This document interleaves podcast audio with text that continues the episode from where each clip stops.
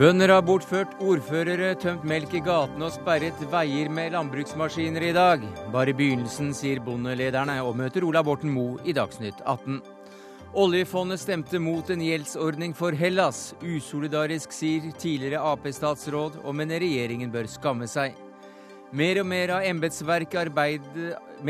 embetsverkets arbeid er partipolitisk. En trussel mot demokratiet, mener tidligere embetsmann. Og ishockeylandslaget brukte favoritten Tyskland som rundingsbøye på vei mot kvartfinalen i VM. På tide å ta køller og puck litt mer alvorlig, sier Jon Hervik Karlsen.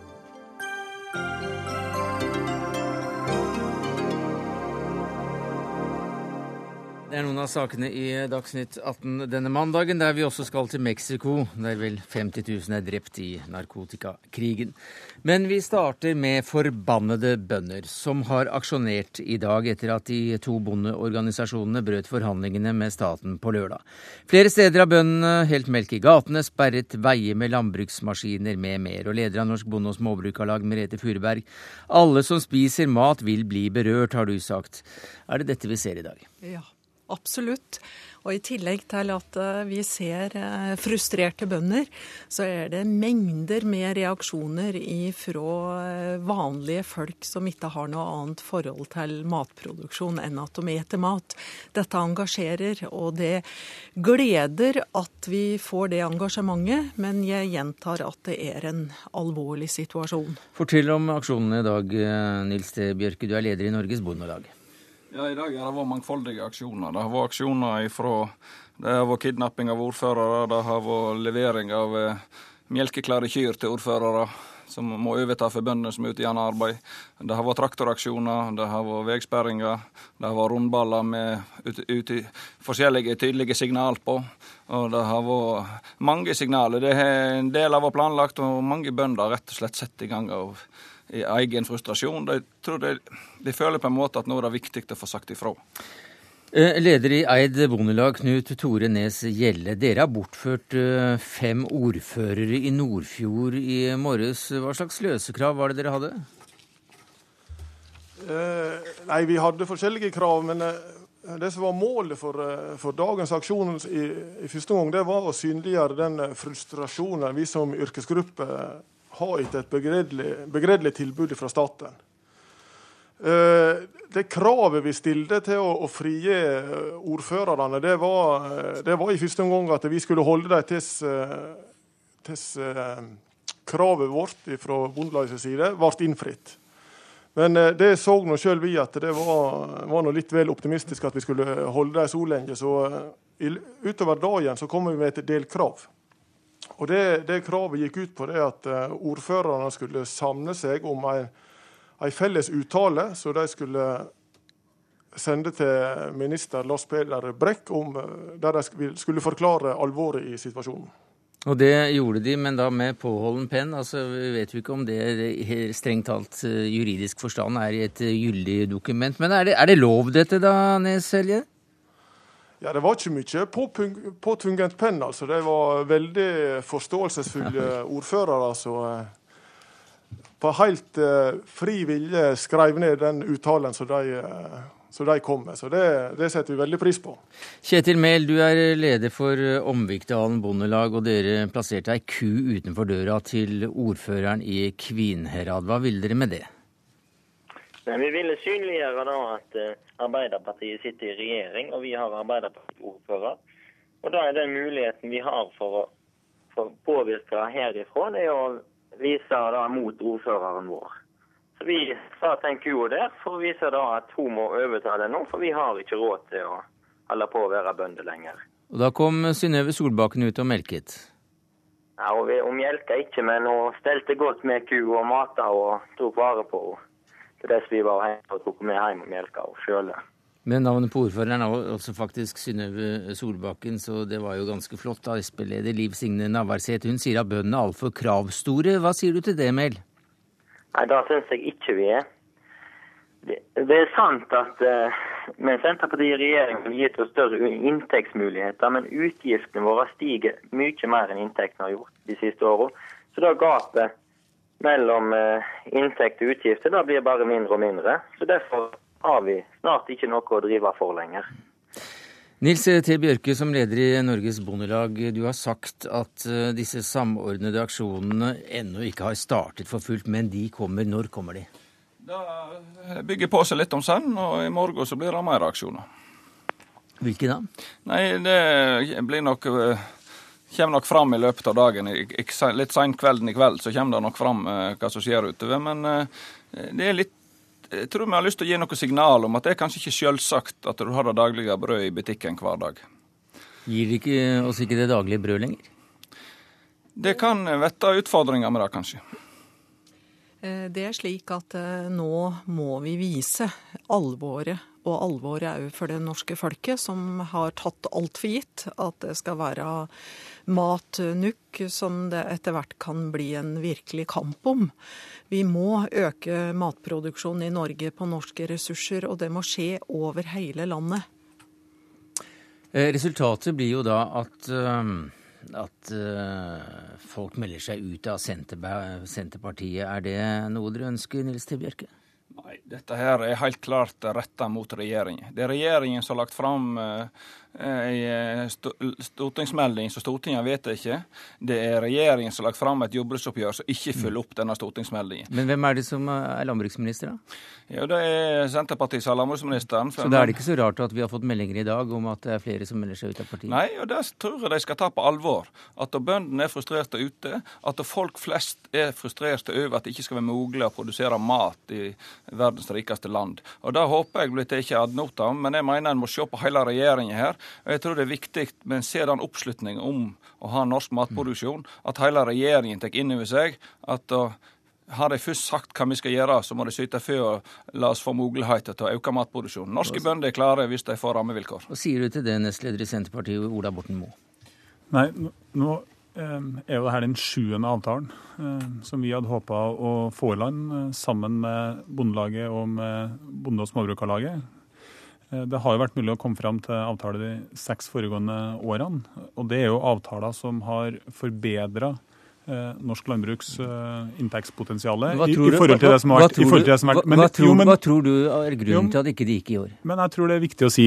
Altså, man har bl.a. nå gjennom de siste seks årene lagt seg på et nivå som ligger på kronemessig lik uttelling med hva, andre yrkesgrupper. Hva tror du er årsaken til at dere ikke fikk det til i år? Nei, så tror jeg det at uh, på, på, tross eh, av det vi mener var et anstendig tilbud eh, fra staten, som eh, landbruksorganisasjoner ikke ville forhandle på, så tror jeg at det vi må se det i lys av, er at man åpenbart fra landbrukets side har hatt mye større forventninger i, år enn det man har hatt i foregående år. Hvorfor det? Ja, det, har, ja, det eh, blir altså, rett og slett bare eh, spekulasjoner fra min side. Men jeg syns det er eh, litt, jeg synes først og fremst det er beklagelig. Og så syns jeg det er verdt å tenke over. Det er sånn at regjeringa akkurat har lagt fram ei landbruksmelding som mm. Stortinget har slutta seg til, med, med store ambisjoner for norsk landbruk. Og det handler jo om at norsk landbruk skal øke produksjonen sin over hele landet på norske ressurser. 1% i året. 1% i året, Og det er vi nødt til å gjøre. og det skal, står vel også no, noe der om virkemidler? Jo, at, det, at, lønninger kan ja, være et slags virkemiddel? Men, bare la meg si at det er det, det er det, viktig å gjøre eh, for at vi skal klare å opprettholde selvforsyningsgraden vår til en befolkning som er i stadig vekst. Og det er det viktig å gjøre for at vi skal gjøre vår del for å bidra til økt matvareproduksjon i en verden som trenger det. Så var det virkemidlet? Så er det virkemidlene. Det er klart, det er nødt til å være tilstrekkelig lønnsomhet i norsk eh, landbruk. Det er nødt til å eh, ligge i bånn. Vi mener at kronemessig lik uttelling sammenlignet med andre grupper er et godt utgangspunkt for å skape tilstrekkelig lønnsomhet i næringa. Så mener vi at tilbudet, sånn som det er lagt frem, svarer på de utfordringene som, og problemstillingene som vi tok opp i meldinga, enten det er noe knytta til økte investeringsbehov, mm. økt lønnsomhet eller økt effektivitet på de arealene som allerede ligger. Overhodet ikke. Det svarer ikke på det. Og vi har gjennom uformelle møter eh, sett mer enn tilbudet, og det var for dårlig. Kurven, det vises mange kurver. Eh, arealnedgangen, avgang i, nedgang i kornproduksjon, sysselsettingsnedgang, manglende rekruttering og et økende antall bønder som slutter. Her må vi ha helt andre grep. Dette her var ikke noe svar på utfordringen på virkeligheten ute i norske bygder. Og det som hender nå, med at det er spontanaksjoner før aksjonene virkelig har begynt, så viser jo det hva virkeligheten egentlig er. Men det er jo ikke dårligere enn det tilbudet dere fikk i fjor, og som eh, ble forhandlet fram? Sett i forhold til Vi i Norsk Bonde- og Småbrukerlag så at tilbudet i fjor og det som ble forhandlet fram, ikke var bra nok. I år så hadde vi forventet at det skulle bli noe mye mer, at det skulle bli en ny trend. Pga. landbruksmeldingen, blant annet? Ja, blant annet. Mm. Det er ikke tvil om at, at bøndene har, har prøvd. Bøndene har tatt tak i norsk matproduksjon, men, men de sliter. Og Da er ikke det nok å videreføre det som har skjedd tidligere. Når vi får en landbruksmelding med et tydelig varsel om at vi skal ha en økt matproduksjon. Bøndene har fått en klar marsjordre, og da må det følge med virkemidlene som kommer. Og det er klart, Hadde vi nå gått inn og tatt en avtale her som ikke hadde ført til økt matproduksjon, hadde ikke vi tatt vårt ansvar og gitt beskjed. Vi må beskjed, gi beskjed hva skal til for at norske bønder skal kunne øke matproduksjonen. Og Bondelaget bryter ikke hvis det ikke er for absolutt alvor. Vi prøver å forhandle, vi mener det er den beste måten å gjøre det på, men den gangen gikk det ikke. Men dette er litt spesielt, for Bondelaget og Senterpartiet er jo omtrent som LO og Arbeiderpartiet, ifølge noen kommentarer kommentarer. Og, og, at dere nå da bryter så å si med Senterpartiet, det er såpass spesielt at eh, bønder også melder seg ut av Senterpartiet. Er det en eh, villet politikk fra organisasjonens side? Nei.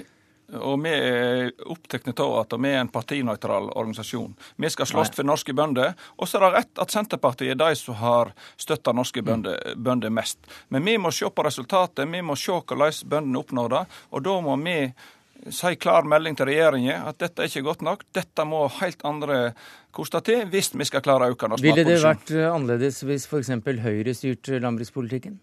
Det hadde vært akkurat det samme. Vi hadde eh, utfordra på hva virkemidlene sine Men tror du det hadde vært bedre eller verre for bøndene? Jeg er nok redd for at det ikke hadde vært noe luft for bøndene i forhold til det Høyre har spilt inn i forhold til landbruksmeldingen. Så det er klart det er en del store utfordringer i forhold til Høyres landbrukspolitikk. Hva tror du om det, Borten Moe? Jeg tror det er heva over enhver tvil at uh, ei Høyre-leda regjering eh, ville ha gitt landbruket langt dårligere kår enn det denne regjeringa har demonstrert. og Det finnes det jo empiri på. Det er bare å se på de landbruksavtalene som ble inngått under Bondevik II, og de jordbruksavtalene som har blitt inngått uh, gjennom de siste seks årene. Man har hatt et betydelig løft Eh, og et, eh, både på inntekt eh, og på inntektsmuligheter. Det kan ikke være noe tvil om. og Det er jo derfor Bondelaget har signert de, de seks mm. forrige mm. jordbruksavtalene. Så At denne regjeringa og at Senterpartiet er det partiet som, og den konstellasjonen som ivaretar landbrukets interesser best, det kan ikke være noe tvil om. Og Dermed kan altså ikke bøndene vente på bedre tider etter valget i 2013, Svein Flåtten. Du er Høyres landbrukspolitiske talsmann. Nei, men Det er jo litt pussig da at det eneste de andre her er enige om, det er at uh, den regjeringen vi ikke har. Eh, det er det aller verste de kan tenke seg. Jeg tror at uh, tiden er inne for mer praktisk politikk enn å skremme med en høyreregjering. Jeg syns det vi har levert i landbruksmeldingen, er å se framover på å legge vekt på å produsere mer mat, produsere det lønnsomt, legge vekt på der hvor det kan være effektivt å produsere. I det hele tatt gi noen gulrøtter til den aktive bonden til å produsere mer mat. Og jeg syns vi har en god del gode tiltak eh, for dette. Se nærmere på reguleringer, begrensninger, se på skattepolitikken. Og ikke minst se på hvordan man, eh, hvordan man eh, innretter tilskuddene, mm. bl.a. over budsjettstøtten. Skremmer vel ikke så mange bort nå?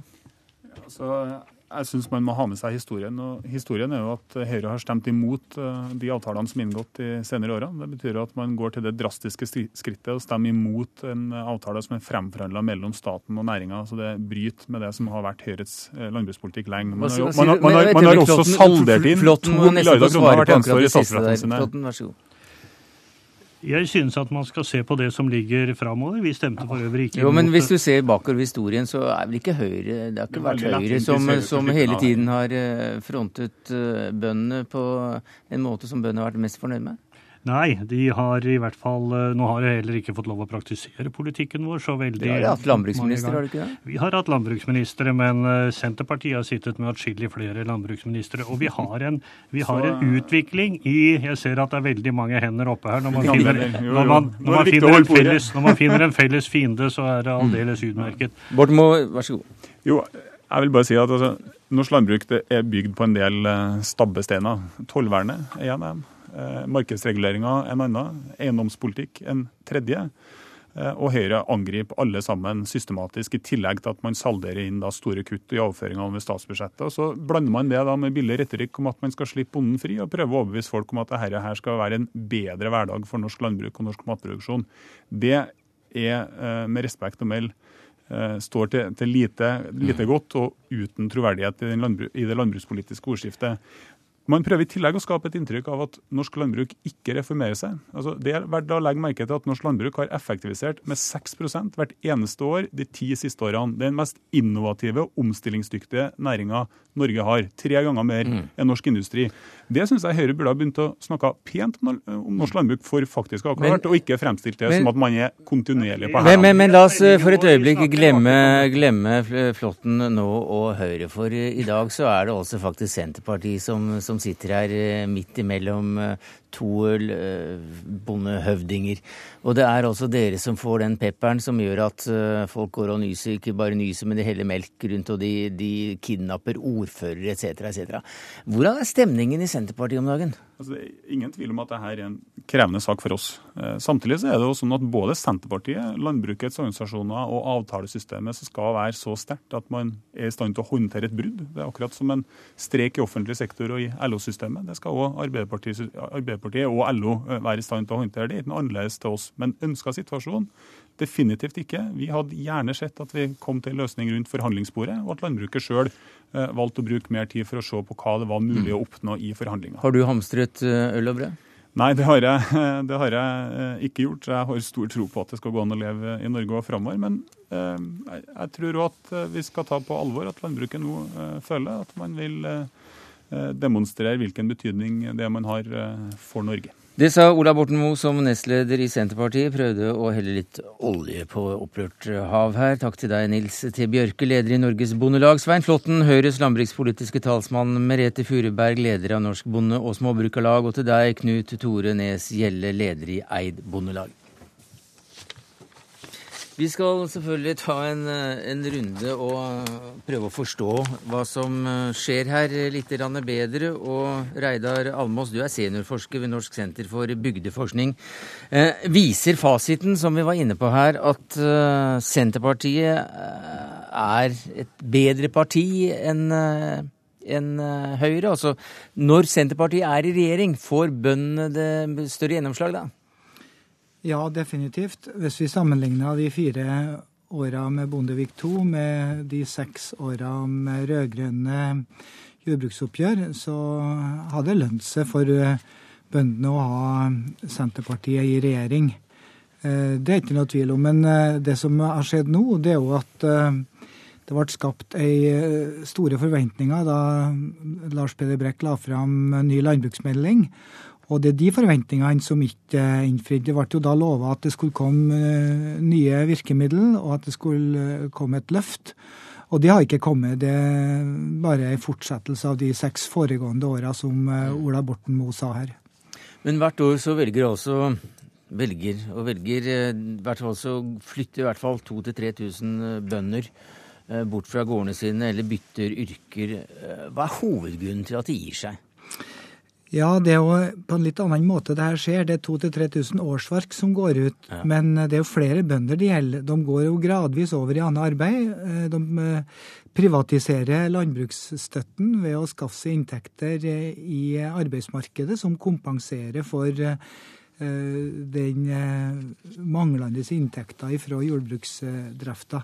Så må jo, bønder må jo love, bondefamilier må love som andre familier. og Eh, de ligger jo ikke noe etter i levestandard, og det skaffer de seg da gjennom arbeid uten bruket. Og det fører da til ei effektivisering, fordi at produksjonen holder seg jo oppe. Men eh, det var jo i landbruksmeldinga så skulle jo produksjonen øke med 1% i året, til sammen 20% på 20 år, det samme som folketallet. Og det vil jo ikke skje eh, hvis det ikke kommer mm. et betydelig løft eh, på inntekt. Hva sier du til, til Steinar Medios, du er økonomikommentator her i NRK. Blir ambisjonene i landbruksmeldingen fulgt opp med det tilbudet bøndene har fått? Nei, det kan du ikke si. fordi Ambisjonene var jo at produksjonen skulle øke, og nå synker den. Og, og det er jo nettopp det som bøndene har tatt som sitt hovedpoeng. For hvis man skal ha økt produksjon, så må faktisk flere velge landbruket som yrke. Og for å få det til, så må man nok regne med å sette opp lønninger, og ikke at man ligger på det nivået de er på i dag. Det er ikke spesielt attraktivt lønnsmessig å, å velge å, å bli bonde i Norge. Nei, Hva sier tallenes tale der? Ja, Så vidt jeg skjønner, så ligger vel omtrent en bonde ca. 200 000 kroner under en gjennomsnittlig industriarbeiderlønn, som det heter. Og, og, det gapet, det hadde man sikkert noen ambisjoner å skulle tettes. Men nå har det også vært bak oss et eh, oppgjør i industrien som er ganske brukbart, mellom 4 og 5% Og skal bøndene tette noe gap, så må de jo ha mer enn det. For de skal altså ta igjen det tapte. Og da blir det et skikkelig oppgjør, men det har de altså ikke fått. De eh, er altså tilbudt 13 000 og forlanger 50 000 almås. Men går det an å sammenligne industriarbeidere og bønder på denne måten? Eh, det går jo an. Ja, Men gir det mening? Ja, det det er jo inntektsmuligheter det her, da. Det spenner jo over eh, forskjeller mellom produksjoner og mellom landsdeler. Men eh, de bøndene sammenligner jo det de har i lommeboka. Eh, og da, Det er jo det som fører til at de går ut i annet arbeid. For da ser de jo at eh, naboer, barn, tjener bortimot det dobbelte av det de sjøl gjør. Eh, så det blir jo sammenligna i praksis. Og jeg har sjelden hørt eh, bønder så sinte som nå. Eh, jeg må faktisk tilbake til 70-tallet for å oppleve den samme frustrasjon og det samme sinnet. Og det går også både utad og innad i egne rekker. Og tar det jo ut mot Lars Peder Brekk, da, som ikke ja, har fått Hva sier du til at det er Brekk og Senterpartiet og herr Borten Moe som som får kjeft? Ja, det bygger jo på litt eh, kanskje dårlig analyse, da, for det er jo andre som sitter på pengesekken i regjeringa. Først og fremst eh, finansminister og statsministerens De sitter nå i regjering, da, så de har vel de er nødt til det, vet du. De er nødt til det, vet du, å, å stå samla utad. Så Brekk har nok stått på. Men Brekk eh, har nok også litt seg sjøl å takke, da, fordi at han hadde skapt um, store forventninger. Eh, så det er nok de stigende uh, forventningers misnøye vi ser her, når uh, det stables rundballer med harde utsagn, og det trues med matstreik, som vi har i vente i morgen, da, som jeg forstår. Men Steinar Medios, hvordan vil du karakterisere det kravet som, som bøndene kommer med? Altså, Kravet er i helt logisk i forhold til de forventningene som er skapt i landbruksmeldingen. Og, og de, Da blir de jo provosert når, når, landbruksministeren sier at dette er et historisk eh, godt tilbud. Når dette tilbudet ikke står i forhold til de ambisjonene den samme landbruksmeldingen nettopp eh, legger grunn for. Så det, det er det som gjør at det nå skjærer seg. I utgangspunktet så har de til, jeg tror nok til og med de har regnet med at de hadde, de hadde fått ut litt til med å forhandle. Men nå har de altså kastet kortene, eh, og, og, det kan tyde på at de regner med å få mer ut av det spillet enn det de ville ha fått med å forhandle videre. Men, ja, vær så god. Ja, det store den store prøven det blir jo neste jordbruksoppgjør om et år. og Hvis det da også blir brudd, eh, ikke kommer noe taktskifte som det har blitt lova, så tror jeg nok eh, det skal bli vanskelig for de rød-grønne å samle stemmer på bygdene, og spesielt for eh, Senterpartiet å karre seg over sperregrensa. Og det vil jo true hele det rød-grønne prosjektet. Og det er jo hele, hele forutsetningen for den rød-grønne regjeringen, er at de også har de grønne stemmene fra Senterpartiet. Og det er nok flere enn de 15 000 heltidsbøndene som sympatiserer med bøndene i dag. Og i en sårbar situasjon så kan dette bli et kostbart politisk valg for, for, for regjeringen. Rent sånn kronemessig så er jo dette litt latterlig for en, en nasjon som har et bruttonasjonalprodukt på, produkt på en par tusen milliarder kroner. Eh, at det skal strande på noen hundre millioner, mm. kan jo virke litt bagatellmessig. Takk skal du ha, Reidar Almås, seniorforsker ved Norsk senter for bygdeforskning, og til deg, Steinar Mediås, økonomikommentator her i NRK.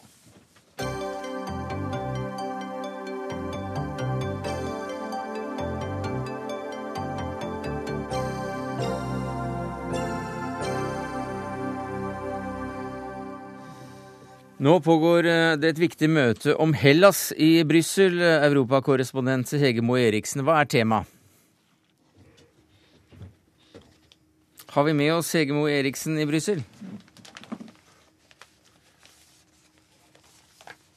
Hun er meldt på Gratishaugen, men Ja, der hører jeg der dere. har vi, har vi deg, ja.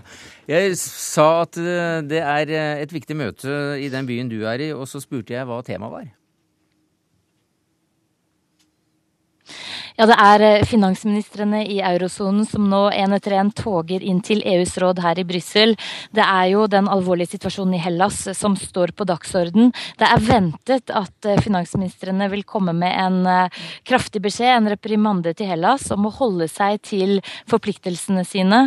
Hellas er ifølge EU nødt til å gjennomføre de innstrammingene og de kuttene som EU har eh, krevd. Hvis ikke så vil EU skru igjen pengekrana til Hellas, og da vil landet kunne gå tom for penger allerede i løpet av neste måned.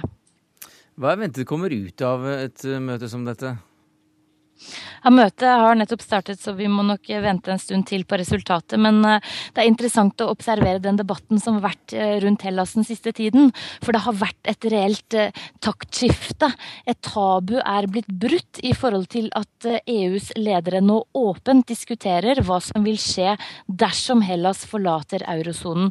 Det er ikke lenger uaktuelt, det er ikke lenger den katastrofen som man tidligere sa. Nå snakker man om at det er en reell mulighet for at Hellas kan måtte forlate eurosonen, og man diskuterer hva som da vil skje dersom, det, dersom landet da eh, går ut av euroen. Takk skal du ha, Hege Moe Eriksen, europakorrespondent for NRK. Også Norge har da spilt en, eh, en, viss rolle med hensyn til Hellas og gjeld, og det via våre disposisjoner av oljefondet. Halvard Bakke, du er tidligere handelsminister for Arbeiderpartiet, og nå kommentator i Klassekampen. Du mener at den rollen vi spilte akkurat der, var ganske pinlig. Hvorfor det? Ja, Det var jo slik at man hadde en, en debatt for å få de private kreditorene til å eh, gi avkall på en del av den gjelden som Hellas hadde til dem. Og, og, de ble jo da mer eller mindre tvunget, kan man si, men de stemte jo over det. Og 83% av de private kreditorene stemte for at de skulle skrive ned litt over halvparten av den gjelden. Mm. Så var det da noen som stemte imot, og det var bl.a. Det norske oljefondet, som jo er statens forlengede arm. Så i en situasjon hvor man prøvde å få til en avtale som kunne redde Hellas i denne utrolig vanskelige situasjonen, kanskje klarer man ikke likevel, men iallfall var det et, et forsøk, der ville altså Norge gjennom oljefondet sende Hellas ut i en, i en konkurssituasjon med helt uoversiktlige følger. Og det mener jeg var særdeles pinlig fra norsk side. Pinlig, du bruker også ordet usolidarisk. Ja. Ikke bare har oljefondet da latt være å stemme for, for, denne nedskrivingen, som de må være med på likevel, pga. at et stort flertall stemte for den, men de har altså solgt seg ned i, i de obligasjonene de har eh, til de har solgt seg helt ut av Irland og Portugal, og de har solgt seg ned i Spania og Italia og sagt at da Slyngstad, som er leder for, for, oljefondet, ble spurt om hvordan dette ville utvikle seg, så sa han det kommer til å gå som en rett linje ned til null, mm. ifølge Aftenpostens referat. Og Det betyr altså at i en situasjon hvor eh, eurolandene, eller mange av eurolandene, er i den største krise siden faktisk den krisen vi hadde i 30-årene, så underminerer altså Norge gjennom oljefondet disse landene og skal gjøre det enda vanskelig for dem å, å, greie seg. Og det må man vel kunne si er usolidarisk. Og dette fikk da uh, deg til å, å, mene at det er enkelte i både oljefondet og i, uh, i Finansdepartementet som burde ane en liten skamfølelse? Absolutt, det mener jeg. Sitter du og skammer deg, Hilde Singsås, du er statssekretær i Finansdepartementet? Nei, det er ingen grunn til å skamme seg over den rollen Norge spiller eh, i Europa. Eh, vårt viktigste bidrag eh, yter vi gjennom IMF. Vi legger fram en sak for Stortinget i morgen hvor vi eh, foreslår å doble den lånerammen eh, Norge stiller eh, til disposisjon til IMF. I tillegg bidrar jo Norge gjennom EØS-midler. Bare til Hellas bidrar vi med opp mot en halv milliard i den femårsperioden vi er inne i. Norge er også det eneste landet utenfor eurosonen som bidrar med teknisk ekspertise, bl.a. når det gjelder skattespørsmål. Så jeg mener ikke det er noen grunn til at Norge skal skamme seg eh, når det gjelder arbeidet eh, overfor Europa. Når det bakke, så gjelder... Bakke. Ja, nå er jo, altså, EØS-midlene det er for det første beskjeden til denne sammenheng. Tre milliarder til sammen i år, og at vi gir teknisk assistanse i forbindelse med skattespørsmål, det hjelper ikke disse landene i den krisen de nå er. Den, dette er en helt annen karakter. Og, og Derfor så er det å underminere altså det som gjør, altså I Spania er f.eks. arbeidsledigheten 24,1% Arbeidsledigheten for, for dem under 25 år er 50 det er en fantastisk krisesituasjon. Og i den situasjonen så underminerer vi altså deres økonomi ved å selge oss ut av, av deres obligasjoner. Det er helt uansvarlig etter min mening, og helt uh, usolidarisk. Og så må vi samtidig huske på at eh, EU-landene, eller eurolandene, de er jo våre største handelspartnere. To tredjedeler av vår handel har vi med EU-landene. slik at det at det går dårlig med økonomien der, det rammer jo også oss tilbake seinere. Vi er opptatt av den alvorlige situasjonen Europa befinner seg i, og yter som sagt bistand på flere måter. Men når det gjelder pensjonsfondet, så er det bred politisk enighet om hva som er formålet med det. Formålet med fondet er å sikre god avkastning til framtidige generasjoner innenfor moderat risiko. Dette er det altså bred enighet om. Det er også slått fast av Stortinget flere ganger de siste årene at vi ikke skal bruke fondet som et redskap i utenrikspolitikken. Bakke. Så vi har mange mål. Ja, altså Dette er jo ikke snakk om utenrikspolitikk. Dette er jo snakk om å vise alminnelig solidaritet med de andre landene i Europa som er kommet i en e-, enormt alvorlig økonomisk krise. Og, og, det at Vi da, vi har jo også noen retningslinjer for hvordan vi skal investere disse pengene. Men å si at vi skal prøve å karre til oss mest mulig overskudd, uansett hvordan det rammer uh, de andre landene i Europa, det kan vi ikke være bekjent av, etter min oppfatning. Vi legger stor vekt på eh, å være en ansvarlig investor og har et eget etisk regelverk som vi er veldig godt fornøyd med. Men vi må ikke eh, miste av syne at formålet med pensjonsfondet er å sikre god avkastning på mm. vår felles sparepenger. Ja, for Hvis man skulle ta andre... for mange politiske hensyn til hvor disse blir plassert rundt omkring i verden, så kunne godt kassa blitt ganske fort tom her. Ja, Nå har man altså til nå da, i, de årene man har hatt eh, dette pensjonsfondet utland, så har man altså hatt en avkastning årlig på 2,8 mm. Det er jo ikke så enormt bra. Og det å plutselig si at vi kan ikke beholde disse obligasjonene i spanske og italienske obligasjonene fordi at vi skal ha sånn, sånn veldig avkastning. Vi har ikke fått det til nå. Ja, men Er det ikke desto større grunn da til å komme seg ut av verstingland som Spania og Hellas, siden vi har hatt såpass dårlig avkastning fra før? Ja, Det som skjer da, det er jo at Spania og Italia de må betale enda høyere rente for å refinansiere sine lån. Og, det er penger de ikke har. De har ikke råd til å ta opp lån til så høy rente. Slik at vi, vi, er, vi underminerer deres muligheter til å komme på beina igjen. Og det alle synes å være enige om, iallfall i teorien, det er jo at nå har man altså laget en avtale som da krever veldig mye nedskjæringer, mm. og som rammer vanlige folk veldig hardt i disse landene.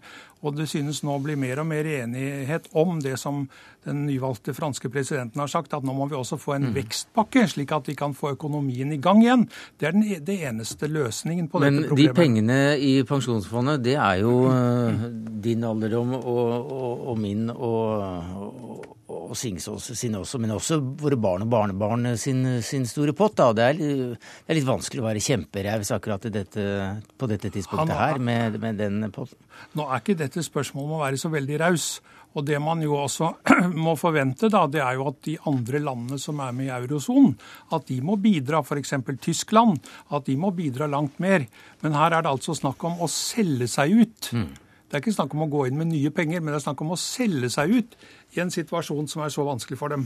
Og Da hører vi også at Finansdepartementet mener at uh, politikk og, og oljefondet det, det, er to ting som ikke hører sammen i det hele tatt. Samtidig så hører vi jo om at næringsministeren drar til og fra India en rekke ganger og bruker oljefondet bevisst i uh, sin argumentasjon for å få Telenors avtale i boks der nede, ved å si at hvis ikke det går i orden, så, så kanskje det skjer noe med vår vilje til å investere i infrastrukturen der.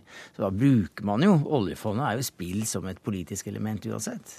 Nei, altså Formålet med fondet er jo helt klart politisk bestemt. Jo, men Hvis én minister bruker oljefondet som utenrikspolitisk virkemiddel for en, for en næringshensyn når det gjelder norsk bedrift, mens Finansdepartementet mener at det ikke er politikk i det hele tatt eh, Nei, jeg mener det er helt klart litt, fra regjering og storting at fondet ikke skal brukes som et utenrikspolitisk verktøy. Det har også Stortinget slått fast flere ganger. Så det er ingen uenighet på det området. Kan virke sånn. Nei, jeg tror ikke det er det. Så er det jo da slik at Hvordan blir Norge oppfattet ellers i Europa når vi opptrer på den måten? Norge som da har gått klar av den store krisen, som har plenty av penger på bok, og så vil vi selge oss ut og underminere de landene innenfor eurosonen som er i kjempevanskeligheter. Så kan man tenke seg hvordan de oppfatter Norge, og det tror jeg ikke blir med noen veldig plussfaktor. Det kan vi komme tilbake til. Uh, Halvard Bakke, tidligere statsråd for Ap og kommentator i Klassekampen.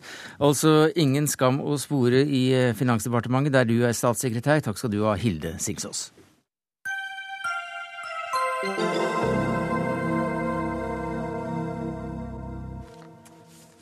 Så til en eh, sak som også har med politisk styring å gjøre, eller kanskje snarere tvert imot. For eh, mange ansatte og sjefer i departementene mener at eh, de utfører partipolitiske oppgaver oftere nå enn før. Det viser en undersøkelse som bl.a. Direktoratet for forvaltning sto bak. Og dette sier du da til Aftenposten er en trussel mot demokratiet. Gunnar Mathisen, du er tidligere embetsmann og nå seniorrådgiver i Gelmeiden Kise. Hva er problemet? Problemet er at hele vårt demokratiske system er basert på at statsforvaltningen har legitimitet.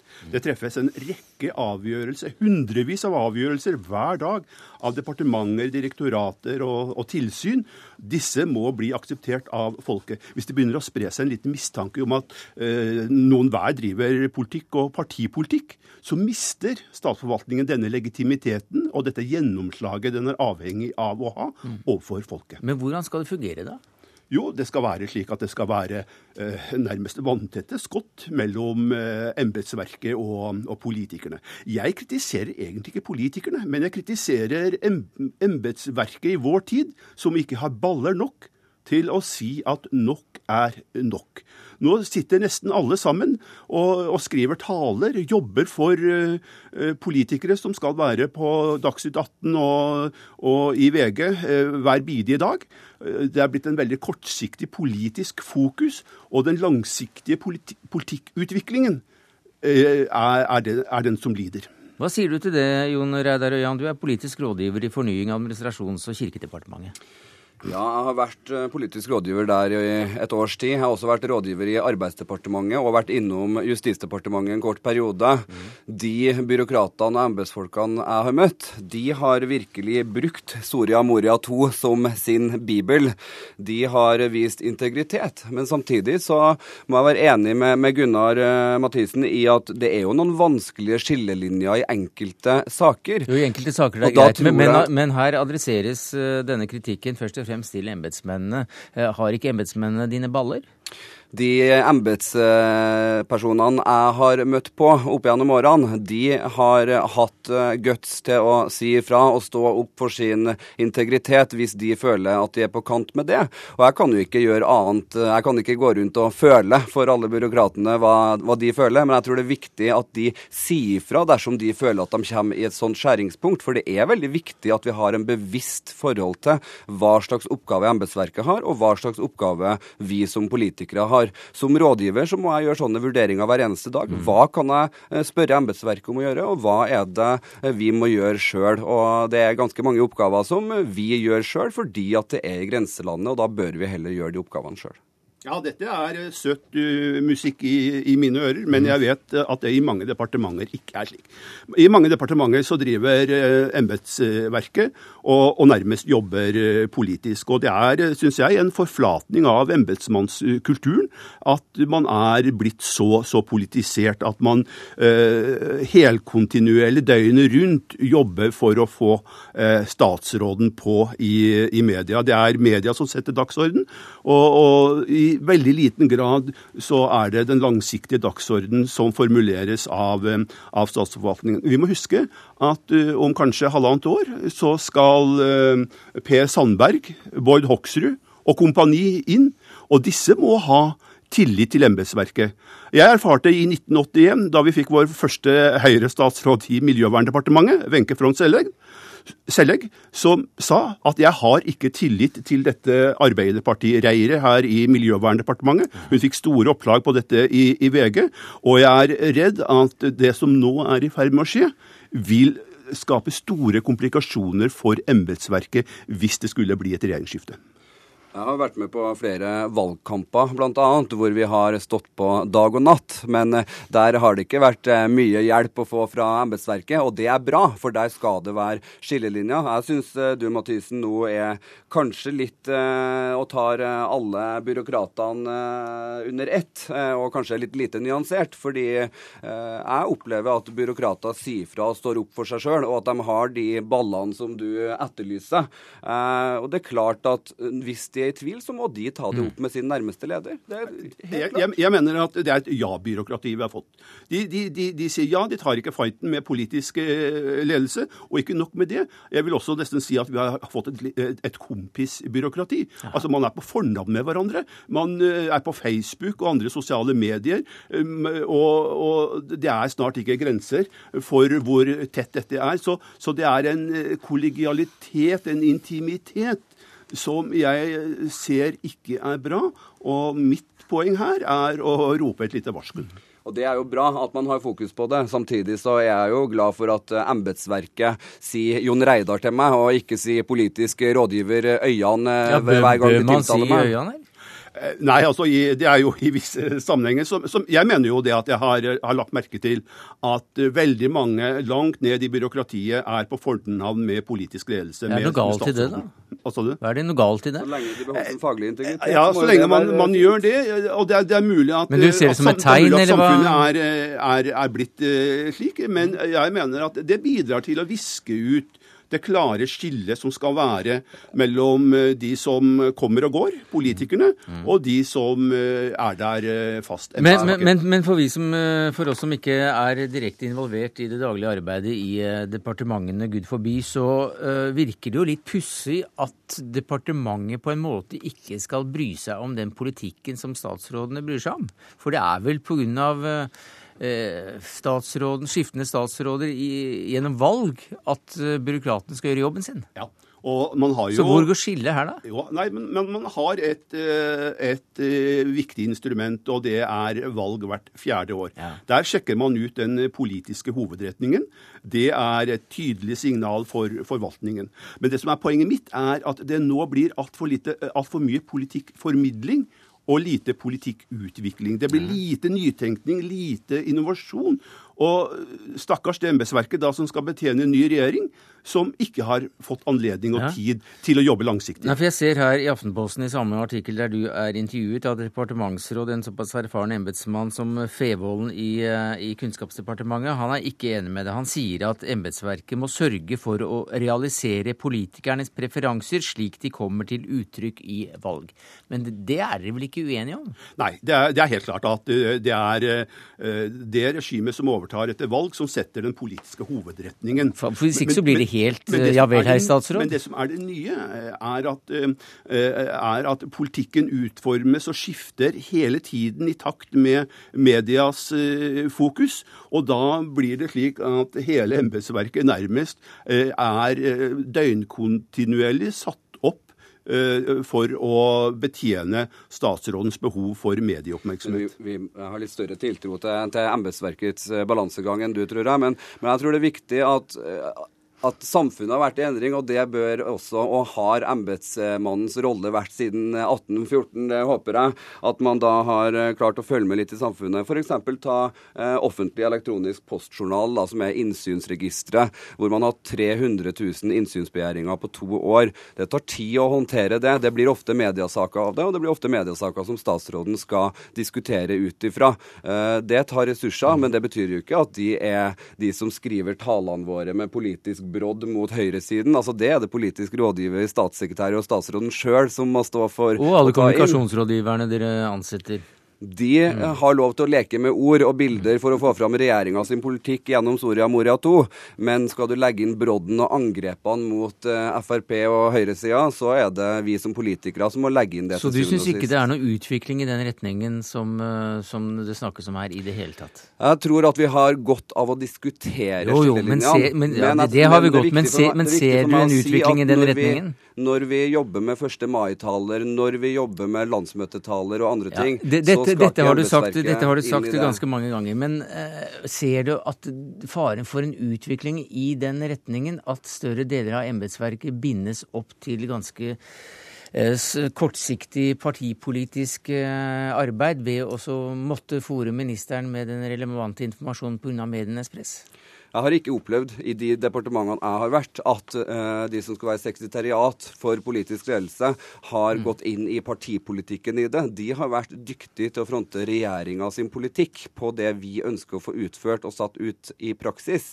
Og så er det klart at når det er grenseganger, mm. så må det tas opp og diskuteres. Det er ikke verre enn det, syns jeg. Og våre tanker går uh, mot uh, og til Max Weber i denne saken. Jon Reidar Øyan, politisk rådgiver i Fornying, administrasjons- og og kirkedepartementet. Takk skal du ha. Gunnar Mathisen, tidligere embetsmann, nå seniorrådgiver i Gelmeiden Kise. Takk skal du ha.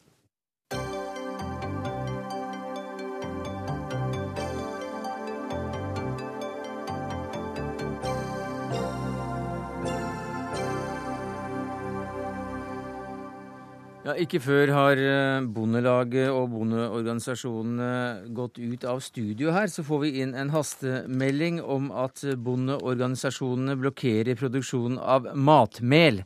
Dermed kan det etter hvert bli vanskelig å få tak i brød. Så kom altså reaksjonen som Norges Bondelag lovet litt tidligere i denne sendinga. Nå skal vi til eh, en langt verre situasjon i et land, nemlig til Mexico. Der det i går var eh, en Nok en eh, fæl dag for eh, de som eh, bor der. 49 mennesker langs en motorvei nord i Mexico er funnet drepte. Området er kjent som et sted hvor narkobandene stadig har sammenstøt. Over 50 000 mennesker er drept siden 2006 i forbindelse med narkotikaoppgjøret. Og Benedicte Bull, du er førsteamanuensis, og du er ved Universitetet i Oslo, og du har Latin-Amerika som ekspertområde. Hva dreier disse brutale oppgjørene seg egentlig om? Ja, nå ikke, vet man jo egentlig ikke hva som har skjedd i dette tilfellet enda, hvem det er man har funnet og hvem som står bak, men sannsynligheten er stor for at dette er et oppgjør mellom tre av de mektigste eh, narkokartellene mm. i, i, Mexico. Og kampene dreier seg om kontroll med narkoruter til USA, men også kontroll med lokale markeder, eh, kontroll med politikere, eh, journalister og andre myndighetspersoner. Eh, og i økende grad kontroll med andre former for kriminell aktivitet. Nå har det vært en uh, veldig store ressurser rettet mot disse kartellene i kampen mot, mot narkotikaen. Hvorfor har ikke disse virket?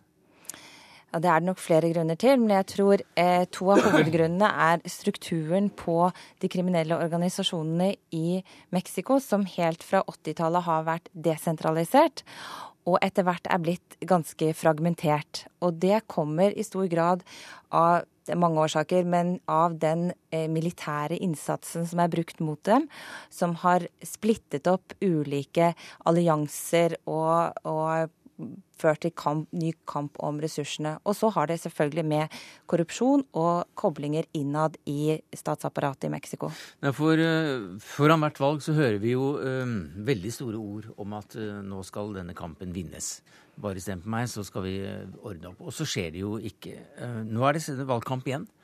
hvilken plass har dette arbeidet i årets valgkamp? Ja, eh, jeg syns kanskje det har fått litt overraskende lite oppmerksomhet. Mm. Det har selvfølgelig vært en sak, men det er ingen som har kommet med noen eh, store nye ideer til hvordan å håndtere denne saken. Og det er faktisk ingen som sier så eplekjekt at nå skal vi vinne denne kampen, fordi man har skjønt at dette er veldig komplekst. Eh, man snakker om man skal omstrukturere politiet, man skal styrke politiet på ulike måter. Men det er altså ingen veldig nye, gode ideer. Men er viljen blant politikerne stor og, og reell for oss å bli kvitt dette problemet? Det er jo en viss vilje det, eh, til det, fordi at dette er selvfølgelig noe som enhver valgt politiker kommer til å bli målt på.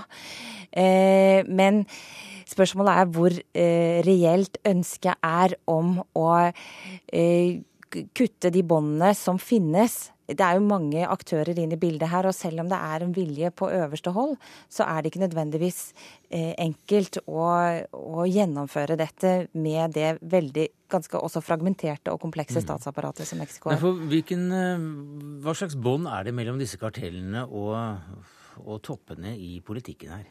Ja, jeg tror ikke jeg skal eh, si noe om toppene i politikken, altså regjerings, på regjeringsnivå, men at det er på, eh, på, lokalt og delstatlig nivå mange politikere som i utgangspunktet er kjøpt og betalt av narkokartell når de blir valgt.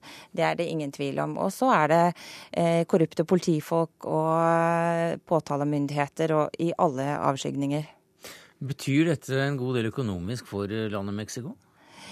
Det er klart at eh, det er jo både en stor inntektskilde, og det er en, en, faktor som i hvert fall i en del tilfeller vil hindre annen lovlig virksomhet, og ikke minst føre til en reduksjon i turismen i, i enkelte utsatte områder. For hvor farlig er det å, å være i Mexico nå, f.eks. For, for en turist fra Norge? Ja, Det kommer helt an på hvor du drar. Hvis du drar eh, til turiststeder, som en turist gjør? Ja, eh, der er det også litt Acapulco er jo et sånn gammelt, kjent turiststed. Der tror jeg ikke jeg ville anbefale noen å dra akkurat nå. Mm. Mens hvis du ser på Yucatan-halvøya, som er et annet uh, typisk turiststed, så, så, er det faktisk nærmest null uh, narkodrap i det området. Så det er veldig stor forskjell på områdene. Takk skal du ha, Benedicte Bull, førsteamanuensis ved Universitetet i Oslo.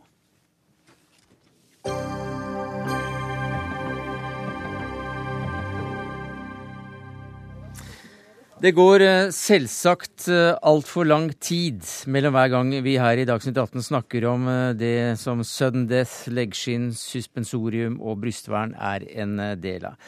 Men når det for få sekunder siden, i hvert fall minutter siden, ble klart at Norge er klare for kvartfinalen i VM i Globen, ja, da er det på tide å ta fram noen store ord. Jon Hervik Karlsen, du kommenterte ishockey for oss i noen tiår. Hva sier du i dag? Jeg syns det er helt fantastisk. Jeg har heist flagget her i Asker. Og det skal få lov å stå der. Dette er fantastisk. Hvilke ord ville du brukt som kommentator hvis du hadde opplevd dette på, fra kommentatorbenken, tror du? Ja, da, tro, da tror jeg hadde sprengt eh, alle, alle trommehinner og alt som er i Norge. Det er jeg helt sikker på. Så det er kanskje, kanskje bra for seerne at jeg ikke kommenterer. Hva sa du til dette da, Espen eh, Knutsen? Eh, du har vært sidekommentator for kanalen Max. Nei, jeg er ganske sjokka hvordan Norge har eh, vært her nede. At de har vært bra bevisst, men at de de grader har spilt ut motstanderne sine, er, er, veldig overraskende. Hvordan var den kampen vi vant i dag? Eh, mot Tyskland, er det den du tenker på nå? Ja, jeg tenker på Nei, jeg tenker på hva var det som skjedde i dag siden vi kom til eh, kvartfinalen? Ja, ok. Ja, det var da danskene som slo Latvia med, med 2-0. Eh, og da kan ikke Latvia ta igjen oss, og det gjør at vi er klare for kvartfinalen. Tommy Jacobsen, mangeårig eh, kaptein på det norske laget. 304 kamper med Norge på brystet. Her nå pga. en meniskoperasjon og ikke på isen. Hva sier du til det som skjer? Nei, jeg føyer meg inn i rekken med de to andre som har snakka før meg her. og Det er kjempestort. Og de som ikke følger ishockey, de, jeg tror faktisk ikke de vet hvor stort det er. Hvor stor den bragden er, det gutta har gjort borte i Stockholm. Nei, Forklar det litt, da. prøv å sette i en sammenheng. Ja, det er jo Vi er jo en lilleputtnasjon i forhold til eh, mange andre nasjoner som vi kjemper mot og med. Så vi har vel like mange ishaller i hele landet som det Stockholm by eller Helsinki by har. Så det, vi er veldig få utøvere her hjemme i forhold til mange andre land som vi har både tatt poeng av og slått i dette VM-et og andre VM tidligere. Hvor stort er dette, Sjampo Knutsen? Nei, det er, det er sinnssykt stort. Vi, er, vi kriger mot nasjoner som er mye, mye større enn oss. og men det beviser bare at vi gjør mye riktig i Norge òg. Vi tar vare på de vi har og prøver å utvikle dem så godt det går. Og da får det resultater over tid. Ja, Jacobsen, hvorfor skjer dette? Nei, det er, det er jo som Espen sier òg, at uh, det har gått over tid. Og vi har jo kommet dit hen også her hjemme at vi har gitt ungdommene våre tilbud med bl.a. Uh, hockeygymnas, som uh, man tidligere måtte utlandet for å kunne gå på. Det har vi nå hjemme. både offentlige og private, som gir eh, en kjempemulighet eh, for de unge ivrige utøverne til å kunne bli bedre på noe de vil. Og så er det jo at man eh, har fått mange flere spillere i utlandet enn det man hadde tidligere.